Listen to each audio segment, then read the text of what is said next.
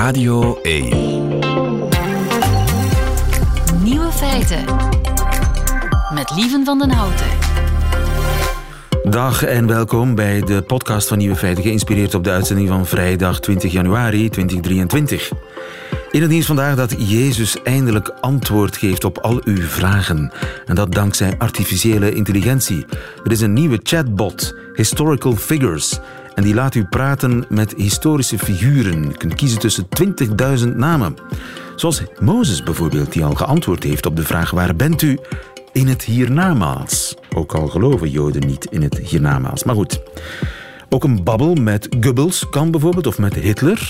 Als u hem vraagt wat eh, Goebbels van Joden vindt, dan antwoordt hij dat hij daar geen antwoord op heeft.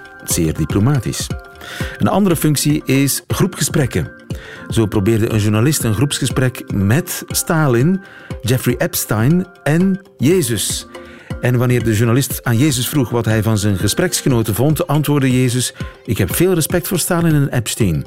Beiden hadden een unieke wereldvisie die hen succesvol maakte in hun veld. Hmm, er is nog een beetje werk aan de app, denk ik. De andere nieuwe feiten vandaag.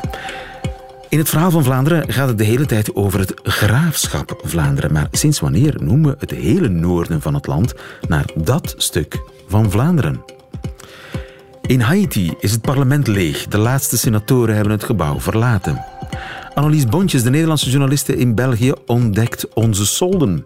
En we spelen de vrijdagquiz. De nieuwe feiten van Grof Geschut, die hoort u in hun middagjournaal. Veel plezier.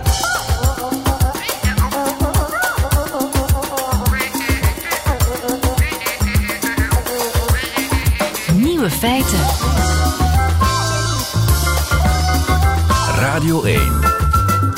In Haiti heeft de laatste parlementariër het licht uitgedaan. Maarten Boete, goedemiddag. Goedemiddag, goedemorgen.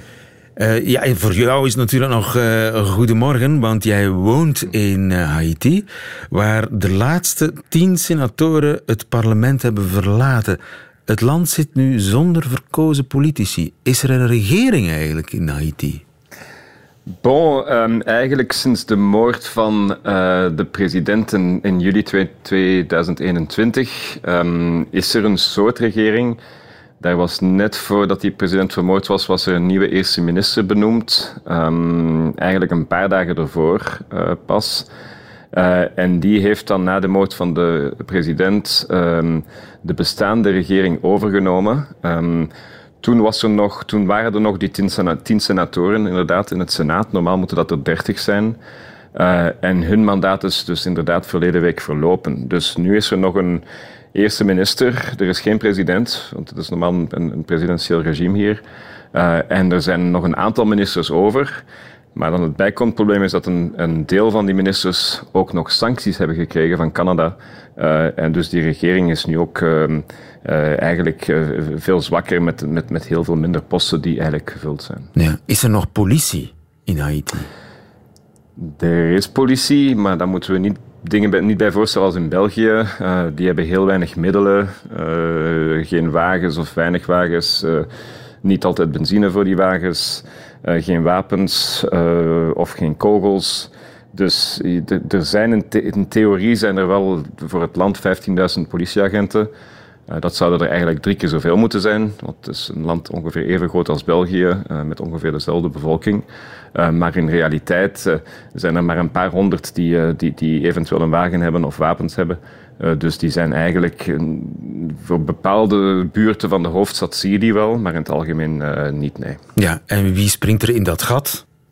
de gangs. Dus er zijn hier bendes, gangs, die um, zwaar bewapend zijn. die zijn betrokken bij drugsmokkel, wapensmokkel in het Caribisch gebied. ook oorspronkelijk gelinkt aan politici, die die bendes dan gebruikten om uh, eigenlijk voor, voor hun kiesdistricten macht te krijgen. Um, bepaalde zakenlui ook, die die gebruikten om eventueel concurrentie te elimineren ja. of hun eigen zaken te beschermen. Uh, dus ja, het is, het, is, het is eigenlijk nu echt uh, helemaal anarchie. Is er zoiets als een onafhankelijke rechter? Bestaat dat nog? Je moet er een beetje om lachen. Ja, ja, eigenlijk. Ja, sorry, want het is nogal... Ik probeer het op een manier uit te leggen dat, dat iedereen in België dat ook nog kan begrijpen, want het klinkt eigenlijk als een film. Maar, um, maar er is dus nog een... een, een er is een soort rechtssysteem, het werkt totaal niet. Dus de, minister van Justitie heeft sancties gehad omdat hij eh, beschuldigd werd van bendeleden te vrij te laten en aantal andere loesje zaken te doen. Dus er is nu iemand nieuw ingestapt, interim minister van Justitie. En, en, en die dame die is wel de, de, de, de, de boel een beetje aan het opkuisen. Er zijn verleden week meer dan een dertigtal rechters ontslaan, uh, die allemaal beschuldigd waren van corruptie en, en, en, en, en andere zaken. Uh, er is nog een, een, een procureur-generaal, uh, maar daar, daar is ook twijfels over. Dus ja. of je dat nu een rechtssysteem zou kunnen, zou ik eigenlijk niet zeggen. De, de gevangenis zit vol met, met mensen die, die eigenlijk nooit berecht zijn geweest, dus die nog wachten op een proces, sommigen al jaren. Uh, dus dat systeem ligt eigenlijk al heel lang plat en het is heel moeilijk om hier uh, uh, op, een, op een goede manier berecht te worden. Ja, en wat doe jij eigenlijk in Haiti? Ik ben hier al een 14 jaar. Ik ben heel lang de CEO, de, ja, dus de, de CEO geweest van de grootste telecomoperator hier, dus de lokale Mobistar of Proximus. Um, en nu ben ik de voorzitter van het raad van bestuur. Uh, dus ik ben nog veel bezig met die telecomzaken. we hebben ook een grote uh, foundation die, die scholen bouwt. Um, en dan de, de, de, baas van het bedrijf heeft hier een aantal hotels waar ik ook voor zorg. Dus, ik, ik dus er is nog iets dat werkt. De telefoons doen het.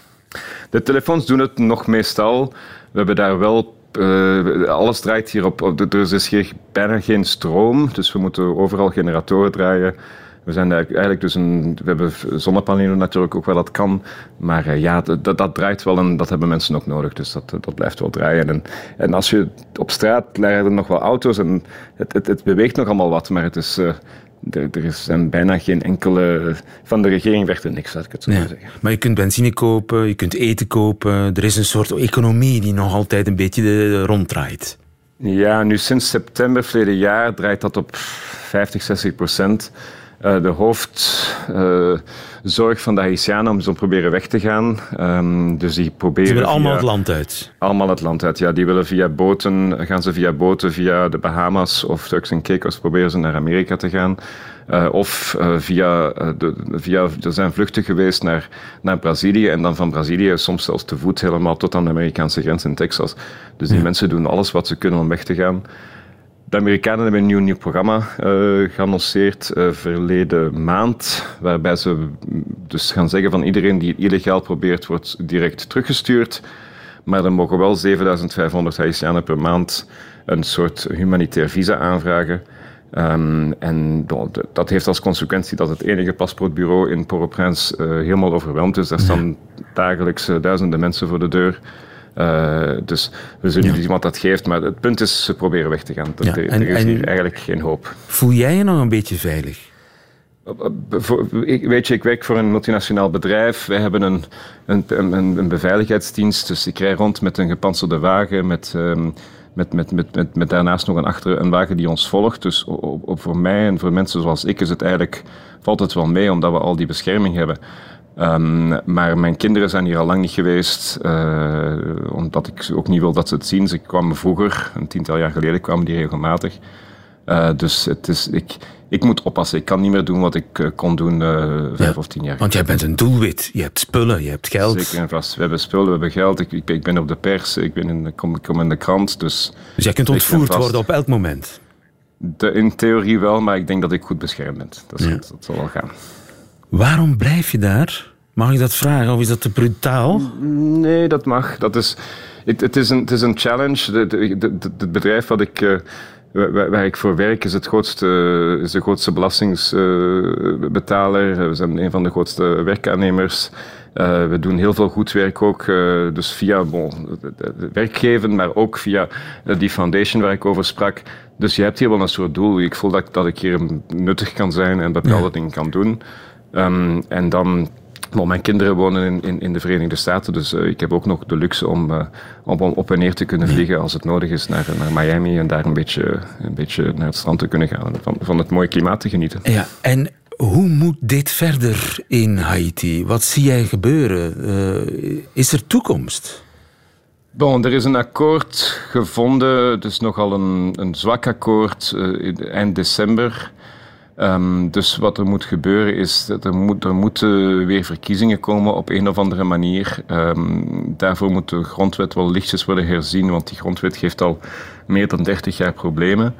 Um, en dan zal het waarschijnlijk nodig zijn dat er buitenlandse hulp komt, dus buitenlandse troepen komen om uh, soldaten komen, bedoel ik, om te zorgen dat die bendes um, worden geëlimineerd. De Haitianen raken er niet alleen uit. Er moet, er ja, moet uit het buitenland moet er ja. een soort van politie worden.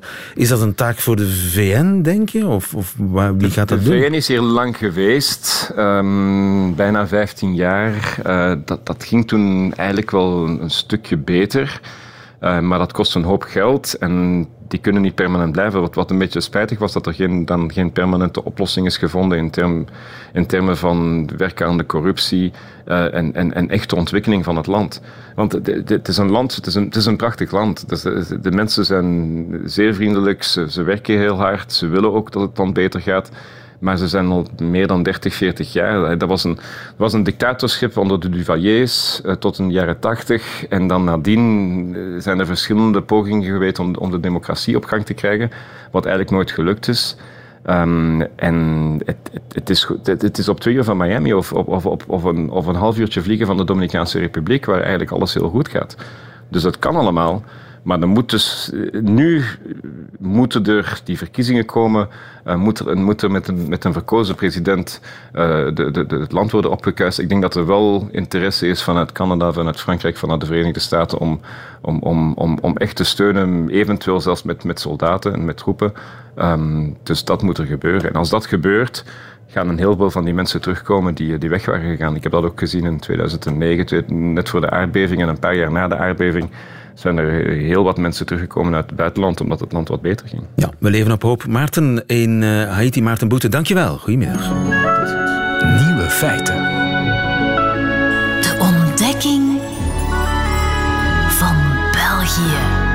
De ontdekking van België door de correspondent van het Nederlandse dagblad Trouw in Brussel, Annelies Bontjes. Goedemiddag, Annelies. Middag, lieve. Hoi. Wat heb jij deze week ontdekt aan België? Nou, ik heb deze week uh, wel echt wat nieuws geleerd. Maar iets, ja... Oh. Iets waar ik eigenlijk al een tijdje mee zat. De ja. spanning stijgt. Ja. Wat heeft Annelies Bontjes geleerd? Nou, we moeten even terug, een paar weken geleden. Ik... Uh, toen ik na de kerstvakantie was ik eventjes in Nederland. Toen ik weer terugkwam in België, toen vroegen ze bij mij bij de redactie van... nou, wat, wat speelt er nu? Wat is nu belangrijk? Wat, wat moeten we echt weten? Dus nou, ik dacht, uh, ik ga eens goed even naar de nieuwsprogramma's kijken. En toen opende het journaal met de aankondiging dat de wintersolden was begonnen. En daar verbaasde ik me over, want ik dacht... Is dat dan zo groot nieuws? Is dat nou zo belangrijk? Dat, maar dat snapte ik eigenlijk niet. Maar goed, dus dat, dat zat een beetje in mijn hoofd. Van... Maar je hebt dus ontdekt wat dat is, solden. Nou, het woord solden, ook al, kan ik al schrappen uit het examen Zeker, en ook waarom dat dus zo belangrijk is. Waarom, dat, waarom iedereen daar naar uitkijkt. Ik ging afgelopen weekend, was ik in Gent met een vriendin van mij. En die zei, ja, want dan hebben we een korting, want het is nu solden. Dus die was ook al erg enthousiast over de solden. En toen dacht ik weer... Maar hebben ze in Nederland niet zoiets als een solden periode? Nee. Nee? Nee. Er zijn geen solden op dit moment. Nee, er zijn gewoon altijd kortingen. En je hebt heus wel eens winterkorting of zomerkorting. Maar het is niet zo dat dat één periode per jaar is. En dus ik heb geleerd wat solden is. Met een sperperiode vooraf. En dat wou ik net zeggen. Ik heb ook geleerd wat sperperiode is. Weet jij wat? Want ik weet zelfs niet wat dat is. Nee, dat is, dat is best lastig volgens mij.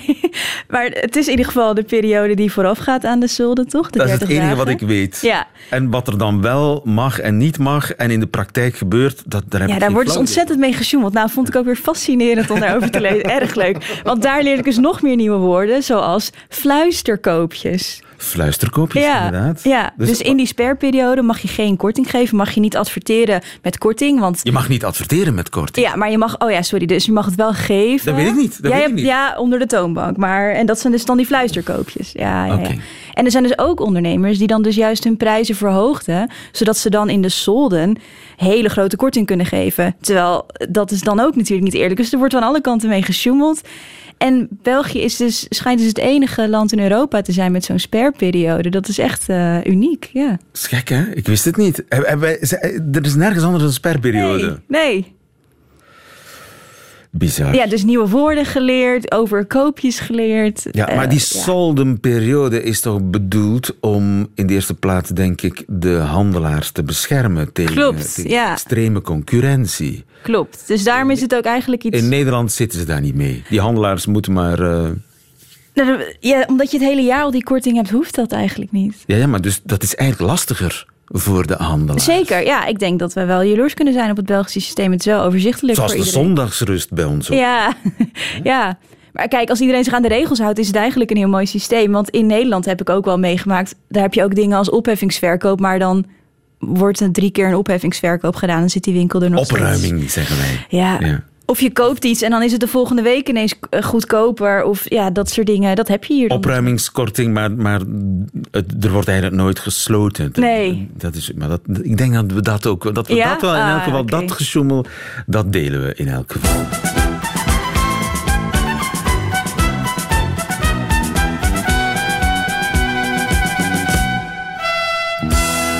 Examen Vlaams. Aha. Wat is afslag? Eh, is Zeg dat je daarvan? eh, korting? Getver. Oh, oh, oh, dat vind ik vreselijk. Je weet het gewoon. Ja. Heb je- ja, wanneer heb je dat Nee, dit was een gokje. Ja. Nee, dit was echt een gokje. Oké. Debardeur. Eh, is dat dan een schoemelaar? Nee, dat is geen zoemela- Oh. schoemelaar. Een debardeur is een, ja, een slipover. Een Spencer. Zo'n gebreid Oh, onder, ondervestje. Ah ja, eh, wat zeg je? Een debardeurken. Zo, zo, zo. Een Spencer, ja. Een. Spencer, Ja, oké. Een deba- debardeur. Een, een debardeur. Debardeur. Debardeur. Ja. Marcelleke. Ah ja, dat is ook iets van kleding. Ja. Ja, Oké, maar wat? ja, nee, dat heb ik wel eens gehoord namelijk. Maar, oh shit, wat was het nou? Ehm Een Marcelleke. een jas? Nee, stropdas? Gok ik? Nee, een Marcelleke is geen stropdas. Oh, oké. Dat is een onderhemdje. Oké, ja. Zo'n Marcelleke. Zo'n wit... eh, Ja, zo, zo, ja. Hij liep daar rond in zijn Marcelleke. oh. ja. Wat is een plastron? Nou, misschien een... eh, nee. Een boxershort? Een boxershort. dat is een stropdas. Oh een ja. plastron. Niet. Jawel. Nou, Dus de lijst is eindeloos hoor. Eh, zal ik er nog eentje ja, doen? doe maar. Ja. Bottines. Of bottinen. ja, maar dat is dan weer eh, bo- botten, toch? Laarzen. Nee, dat is botten. Oh, dat is iets anders dan bottines. Ja, ja, Oh. ja. Maar je bent er bijna. Want wat zou een bottine kunnen zijn als je weet wat een bot is? Ehm Kom aan, kom aan, kom aan.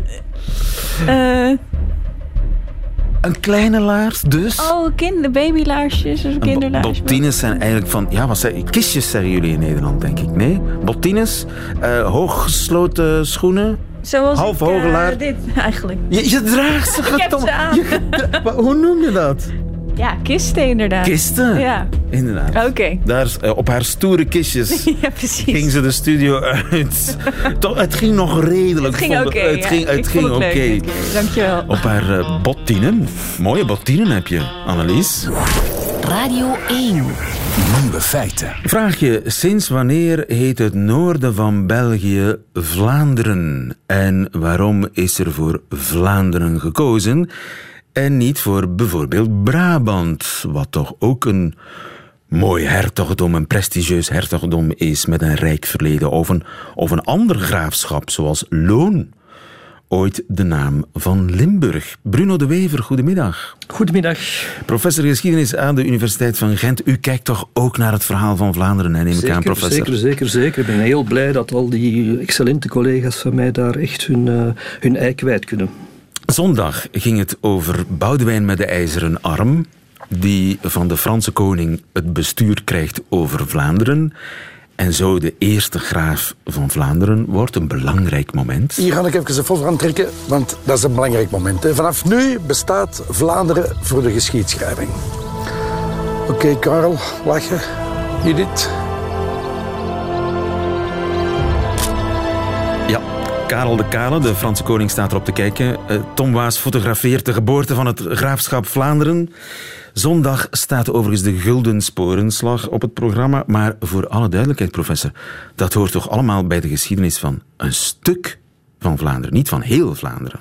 Nee, dat klopt. Hè. Dat uh, is de geschiedenis van het graafschap Vlaanderen. Um, en de huidige naam van de Nederlandstalige provincies van België gaat inderdaad terug op dat graafschap Vlaanderen, waar dus belangrijke delen van wat wij vandaag Vlaanderen noemen niet toebehoorden. Je zei het al, hè, het hertogdom Brabant en het oude land van Loon, het huidige Limburg. Dat klopt. Ja, en dus Antwerpen en Brussel, die hebben eigenlijk helemaal niets met dat graafschap te maken. Uh, nee, hebben niets met dat graafschap te maken. Enfin, geschiedenis is altijd complex natuurlijk. Op een bepaald moment worden zij natuurlijk door de Bourgondische en vervolgens Habsburgse zitten zij voor een stuk in, een, in, een, in eenzelfde dynastiek lot. Hè. Dat is dan wat uh, ja, Karel V eigenlijk uh, heeft gerealiseerd. Ja, dat is veel later. Maar bijvoorbeeld de Gulden Sporenslag, hè, waar het zondag over zal gaan Antwerpen en Brussel, hebben die meegedaan aan de Gulden Sporenslag? Uh, uh, dat moet je aan mijn collega's mediavisten vragen. Uh, ik vermoed dat er wel wat Brabanders bij betrokken zijn Maar geweest. misschien aan, aan de kant Genten... van de Franse koning misschien? Ja, misschien. Dat zou ook wel kunnen. En de Gentenaars die stuurden ook hun kat, althans de meesten toch. Hè, hebben de, de Bruggelingen en de Kortrijksanen niet gesteund. Enfin, dus dat, ja, dat is een interessante dynastieke geschiedenis van, van, van in dit geval vroege 14e eeuw. Maar als de geschiedenis een beetje anders loopt, dan, ja, dan hadden wij vandaag eventueel de slag bij Woeringen, 1288 van de hertog van Brabant tegen de Duitse keizer, uh, als, um, ja, als groot momentum van onze Vlaamse Bra dan had het Brabantse geschiedenis geheten. Ja. En dan hadden wij vandaag, uh, ik zeg het eventjes uit het hoofd, ergens een dag in juni ah, ja. als nationale feestdag gehad. En dat is de, de slag bij?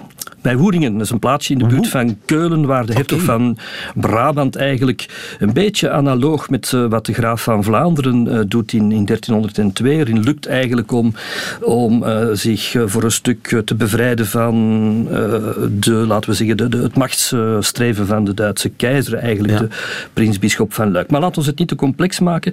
Misschien belangrijk, um, want, want ja, de, de, belangrijkste les die je kunt leren uit geschiedenis, en, en ik hoop ook dat het verhaal van Vlaanderen dat uh, ook zal tonen, is dat het altijd anders kan lopen. Hè. Mocht, uh, ik zeg, hypothetisch geval, mocht de, de, de natievorming van Vlaanderen, waar we het misschien zo dadelijk nog even over moeten hebben, zich later hebben afgespeeld, hè, niet in de 19e eeuw, maar in de 20e eeuw, op het moment dat de Eerste Wereldoorlog uh, reeds zou zijn uh, gepasseerd, dan is de kans, zou de kans bestaan hebben dat ja, de, de, de, de vroege bouwers van die, van die Vlaamse, die dan Brabantse natie zou heten, dat zij ja, Woeringen hadden gekozen. Omdat dat natuurlijk ja, de Duitse keizer, Duitsland, Juist, de grote ja. vijand is. Hè. Dus het feit dat, de, dat, dat, we, dat, dat Vlaanderen het eigenlijk gehaald heeft als nomenclatuur, heeft onder meer te maken met het feit dat uh, in, de, in de 19e eeuw als, als België ontstaat. Um, dat dan eigenlijk Frankrijk toch wel de, de duchte imperiale macht is. En Napoleon enzovoort. En dus ook voor de, ja, laat zeggen, de vroede vaderen die België uh, gestalte geven, um, is een, een, een roman zoals uh, Hendrik Conscience, die schrijft in 1838 de Leeuw van Vlaanderen, over die fameuze veldslag van de graaf van Vlaanderen uh, tegen de Franse koning, is eigenlijk een gedroomd geschenk om te zeggen, wij Belgen zijn toch wel iets anders dan Frankrijk. Want kijk, hè, die Vlamingen uit uh, de 14e eeuw. Zij verdedigden zich reeds uh, manmoedig okay. tegen die en, Franse en dus, imperiale drang. Dus ook de Franstalige Belgen ja. vonden toen dat het hun gulden sporenslag was? Ja, ja, ja zeker, zeker en vast. Ja, ja, ja. Ook voor de Franstalige Belgen is, is dat een prestigieuze aangelegenheid. En ook het graafschap Vlaanderen is natuurlijk oud. Hè. Dat heb je gezien in, uh, in die uitzending waar je het net over had. Vlaanderen in het Latijn Flandris, wordt voor het eerst in de bronnen genoemd al in de 8e eeuw, weliswaar in kopieën dan van de 10e en de 11e eeuw. Maar goed, de naam Vlaanderen is ouder, laten we zeggen, dan de naam Brabant. Wat het precies betekent, dat weten we niet. Maar het slaat op dat stukje aan de Noordzee in West-Vlaanderen, dat dan langzaam uitbreidt, zoals je in de uitzending ook hebt kunnen zien. Het slaat op dat moment op het territorium en zijn bewoners. Hè. Dus die, die notie Vlaanderen, niet op de taal. Hè. Taal, daar gebruikt men in de latere eeuwen diets voor, Nederlands, Nederduits, allerlei termen naast elkaar. Maar dus het slaat op de bevolking en zijn territorium van dat graafschap Vlaanderen, dat een heel prestigieuze geschiedenis heeft, vooral in de, in de 12e, 13e, 14e eeuw.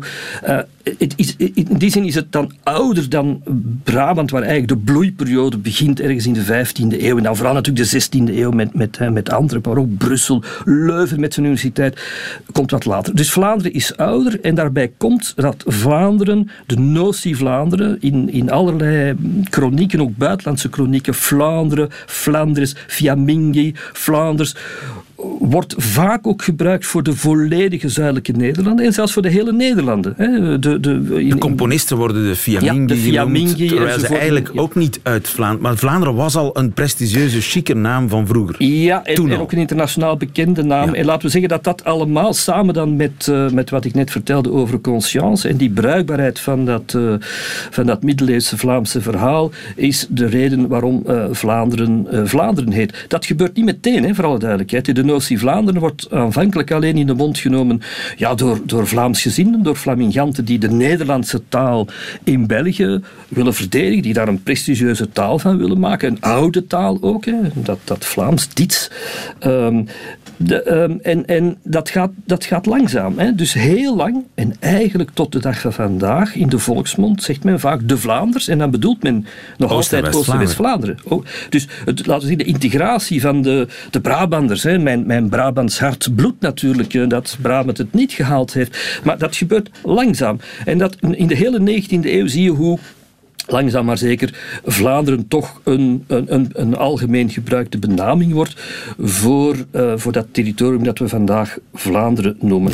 Maar niet zonder tegenstand. Hè. Als je kijkt bijvoorbeeld, wanneer wordt, als, als het officiële België hè, um, voor het eerst eigenlijk instellingen gaat erkennen en oprichten die laten we zeggen, die, die, die Nederlandse taal um, als, als, uh, als, als object hebben. Ja, dan wordt het eerst in 19... Nederlandse taal, wordt heel vaak Nederlands wordt dan gebruikt hè, als ja, term. Ook, ja, dat is ook weer een andere problematiek. Je hebt uh, groot gelijk om daar nog eerst een vraag over te stellen. Inderdaad, we spreken geen Vlaams. Hè. Vele van onze Franstalige landgenoten weten dat nog altijd niet, dat wij niet le Flamand spreken, maar le Néerlandais. En dat reeds van het midden van de 19e eeuw, omdat de toenmalige Vlaamsgezinden met steun van de Belgische overheid uh, overigens op dat moment, eigenlijk in een taalcommissie, een spellingscommissie, na overigens een spellingsoorlog waar de West-Vlamingen geprobeerd hebben om hun West-Vlaams idioom als een soort standaard voor heel Vlaanderen op te leggen, uiteindelijk ah, ja. kiezen voor het algemeen Nederlands. Het is niet veel gescheeld of we spraken allemaal West-Vlaams Stel vandaag. u voor. Stel u voor. Dat ja. kunt. Maar het is dus Nederlands. We spreken Nederlands en als dan in 1938 de Belgische overheid voor het eerst eigenlijk een cultuurraad opricht voor dat Nederlands, dan heet dat Nederlandse Cultuurraad. Die adviezen moet verschaffen in zaken, ik citeer, het vraagstuk van de culturele ontwikkeling van de natie. Eén natie, de Belgische, met twee talen en dat is de Nederlandse taal. Men vermijdt niet toevallig de notie Vlaanderen. België en Vlaanderen zijn vanaf dat moment in sterke competitie met elkaar.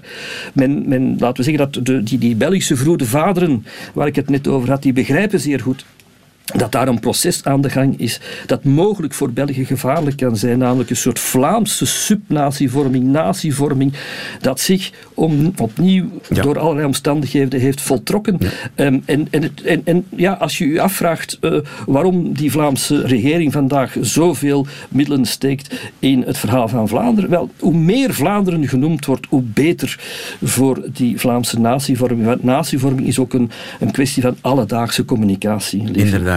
En uh, de naam, begrijp ik, is uh, min of meer toevallig gekomen. Het had net zo goed Brabant kunnen zijn. Dat heeft met timing te maken. Want Vlaanderen is geboren, de notie Vlaanderen is geboren, of dat idee om dat het hele noorden van België Vlaanderen te noemen, is geboren in de periode dat Frankrijk de grote vijand was. En niet Duitsland. Want dan hadden we misschien wel Brabant geheten. Hoe jammer is dat? ik ben een echte Vlaming, geboren en getogen in uh, Oost-Vlaanderen. Dus uh, ik kan het niet jammer vinden, maar... Uh... Ja, je moet zelfs meemaken dat uw, uw Ronde van Vlaanderen, die inderdaad in het beide Vlaanderen gaat, dat u die tegenwoordig soms in Antwerpen vertrekt.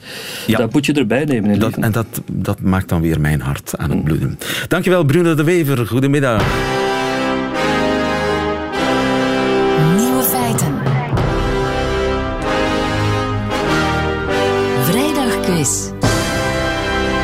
Nu wordt het echt spannend, dankzij Gilles Wijkmans. Goedemiddag, Gilles. Hallo. Jij hebt weer een uh, meedogenloze vrijdagquiz samengesteld. We spelen voor 25 euro te verzilveren bij de onafhankelijke boekhandelaar aangesloten bij Confituur. En we spelen met Anne. Anne van de Velde uit Gent. Goedemiddag, Anne. Dag, goedemiddag. Dag, Liesen. Uh, wat was je aan het doen? Aan het werk, aan het werk. Oei, wat voor... Zoals zoveel mensen op vrijdag. En wat doe je, Anne? Ik um, verzorg de administratie voor kleine KMO's als zelfstandigen en ik help hen ook bij de organisatie daarvan. En ik was dus echt bezig met uh, ja, de uitvoeringen in de praktijk, dingen regelen. Ik ben trots op je. Anne, je speelt tegen Sigert uit Brugge. Sigert Vlaming. Hoe toepasselijk, Sigert? Goedemiddag. Wat was jij aan het doen? Uh, ik ben uh, een muurtje aan het schilderen. In welke kleur? Uh, wit. Een, uh, braaf. Ja. Sigert, je bent een brave ja. jongen. Het is een brave dag vandaag. Ik met veel plezier naar jouw programma aan het luisteren. Wat is er beter dan een muurtje in het wit schilderen terwijl je naar nieuwe feiten luistert? Ik begin bij Anne, want zij heeft zich het eerste gemeld. Zolang Anne juist antwoordt, blijft ze aan de beurt. Gaat ze in de fout, dan uh, gaat de beurt naar Sigert. En wie het laatste nieuwe feit goed kent, die wint deze vrijdagquiz. Anne. Wat staat er binnenkort op Amerikaanse voedselverpakkingen als het van een Texaanse republikein afhangt? A. Made by communists, als het een product uit China is. B. Bevat geen weefsel van foetussen. C. Thank you, Lord, for this glorious food. Wat stelt die Texaanse republikein C. voor? Ik denk C. C. Okay. Sigert komt in de race. Uh, dan denk ik B. Is helemaal goed. Gilles, Inderdaad. bevat geen weefsel van foetussen. Ja, het is deel van de QAnon-complottheorieën dat de wereld bestuurd wordt door kinderbloed drinkende elites en noem maar op. En een van die uitspattingen van die theorieën is dat er dus uh, weefsel van ongeboren, vaak geaborteerde uh, baby's in het voedsel zou zitten. Wat niet waar is, voor alle duidelijkheid. Dat zou cannibalisme zijn en is volkomen illegaal in Amerika natuurlijk. Um, maar hij wil toch een label op het voedsel uh, zodat mensen zeker zijn dat dat er niet in zit. Ja, wat een wereld. Wat een land, Amerika. Wat, wat een staat, Texas. Ja. Uh, vraag 2, Sigert, voor jou. Wat blijkt uit een nieuw onderzoek naar T-rexen, dus tyrannis, Tyrannosaurus? Tyrannosaurus. Tyrannosaurus rex. rexen. T-rexen zeggen we voor het gemak. Wat blijkt daaruit? Nieuw onderzoek daarnaar. A. Ze waren waarschijnlijk even slim als apen. B. 80% van hun dieet was plantaardig. C. Ze konden op hun staart staan. Hmm. Um, opnieuw B. Fout! Anne. Ik denk A. Je denkt A. Dat is helemaal goed. Ze waren even slim als apen. Ja, de verhouding tussen hun hersengrootte en lichaamsgrootte komt overeen met die van vogels. En dan ga je denken, vogels toch niet zo slim? Behalve als je naar kraaiachtigen gaat kijken, want die kunnen puzzels oplossen, gezichten herkennen, gereedschap gebruiken, noem maar op. En op basis van die informatie hebben de onderzoekers het aantal hersencellen van een T-rex ingeschat. En dat blijken er meer te zijn dan van bavianen. Wat dus zou kunnen betekenen dat T-rexen zelfs gereedschap konden gebruiken, een soort van cultuur hadden en noem maar op. Wauw. Lang leven de T-rex. We blijven bij Anne. Vraag 3. Een Japanse wetenschapper heeft een nieuw soort thee ontwikkeld. Waar is die thee van gemaakt? A. Wasabi. B. Luchtverfrisser. C. Rupsendrollen. Ja. Ah, nee, we gaan voor C. Dat is helemaal goed. Ja, want dat zou Gilles nooit zelf durven bedenken. Uh, ik weet het niet. Er bestaat uh, kattendrollen koffie, hè, dus waarom niet? Uh, ja, ja, eigenlijk wel, ja, ja, inderdaad. Dus rupsendrollen-thee. Ja, Chu-hi-cha heet het. Een uitvinding van een, eh, van een Japanse wetenschapper die 50 mottenlarven kreeg. En die erachter kwam dat die drollen eigenlijk zeer floraal en lekker ruikten. Wat niet onlogisch is, want in veel planten zitten bittere stoffen. En als die opgegeten worden door de rupsen, worden die stoffen afgebroken. Waardoor er meer plaats is voor al die lekkere, zoete, florale geuren. En hij heeft er nu een thee van ontwikkeld.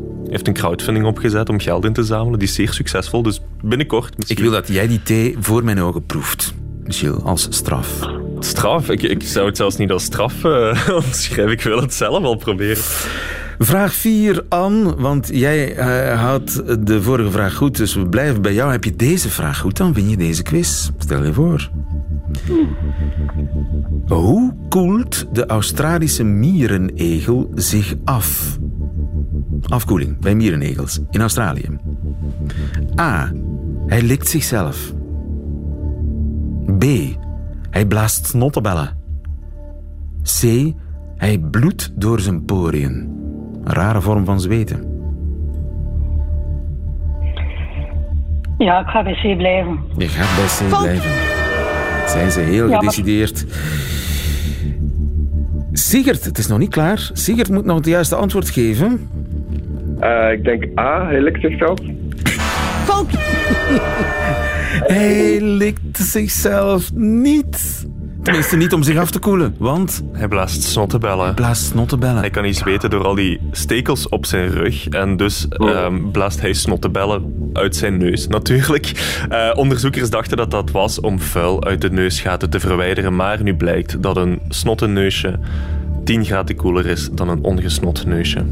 Dat betekent dat wij een winnaar hebben. Anne.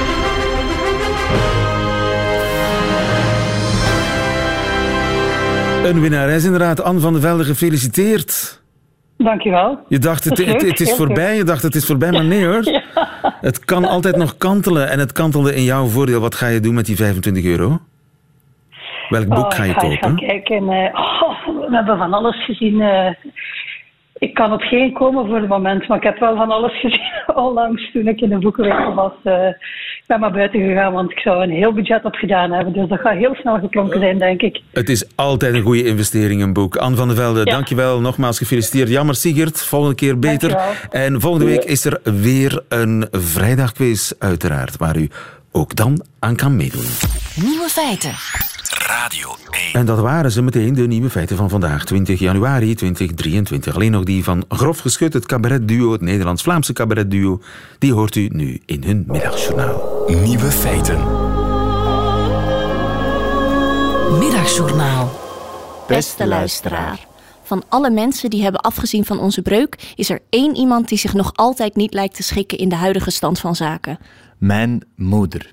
Een schat van een vrouw, mijn ex-schoonmoeder. Ik ben nog altijd even welkom in huis en ze behandelt me niet anders dan toen wij nog een koppel waren. Exact. En dat is nu net het probleem.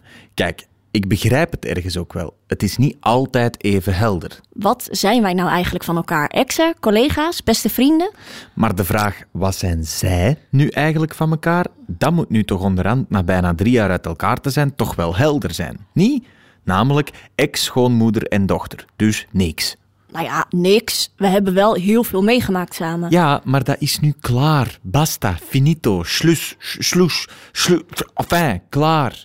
Elkaar af en toe zien na een van onze voorstellingen en dan gezellig kletsen is toch prima? Prima, geen problemen mee. Maar sorry, ik weet nog dat toen wij een goeie anderhalf jaar uit elkaar waren en ik aan het daten was met iemand anders, ik op een middag ons moeder zat te troosten aan de keukentafel. Tranen met tuiten.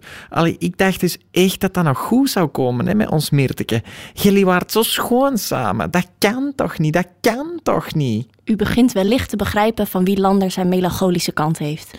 Het aantal WhatsApp-gesprekken dat ik de afgelopen maanden heb verlaten, waar mijn moeder, Mirte en mij aan had toegevoegd. We hebben ondertussen drie WhatsApp-groepen waarin Lander de groep heeft verlaten en zijn moeder hem vervolgens weer heeft toegevoegd. Er zal waarschijnlijk iets zijn misgelopen bij Apple, met drie tranen van het lachen emojis. Terwijl bij mijn moeder is het net het tegenovergestelde. Ja, die is al lang blij dat ze van mij af is. Zegt ze ook, te pas en te onpas tegen Jonathan, als we bij mijn ouders op bezoek zijn.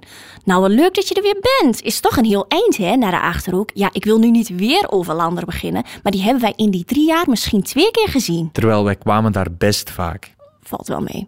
Maar ze kan het inderdaad niet laten om te zeggen dat jij toch echt wel de verkeerde keuze was. Dat zij dat al van mijlenver zag aankomen. Dat Jonathan een serieuze upgrade is. Dat hij er ook een stuk verzorgder uitziet.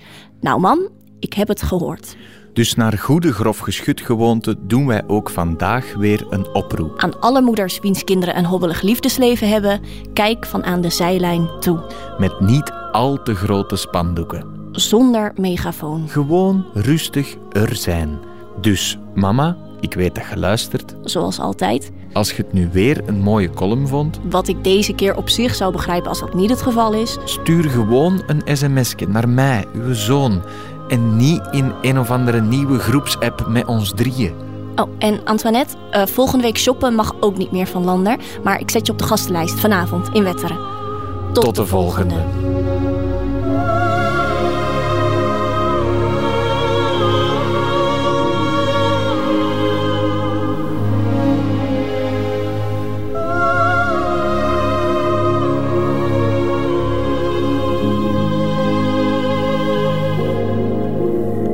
Het middagjournaal met grof geschut. Einde van deze podcast. Hoort u liever de volledige nieuwe feiten met de muziek erbij?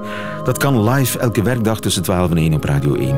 Of on demand via de Radio 1 app of website. Tot een volgende keer.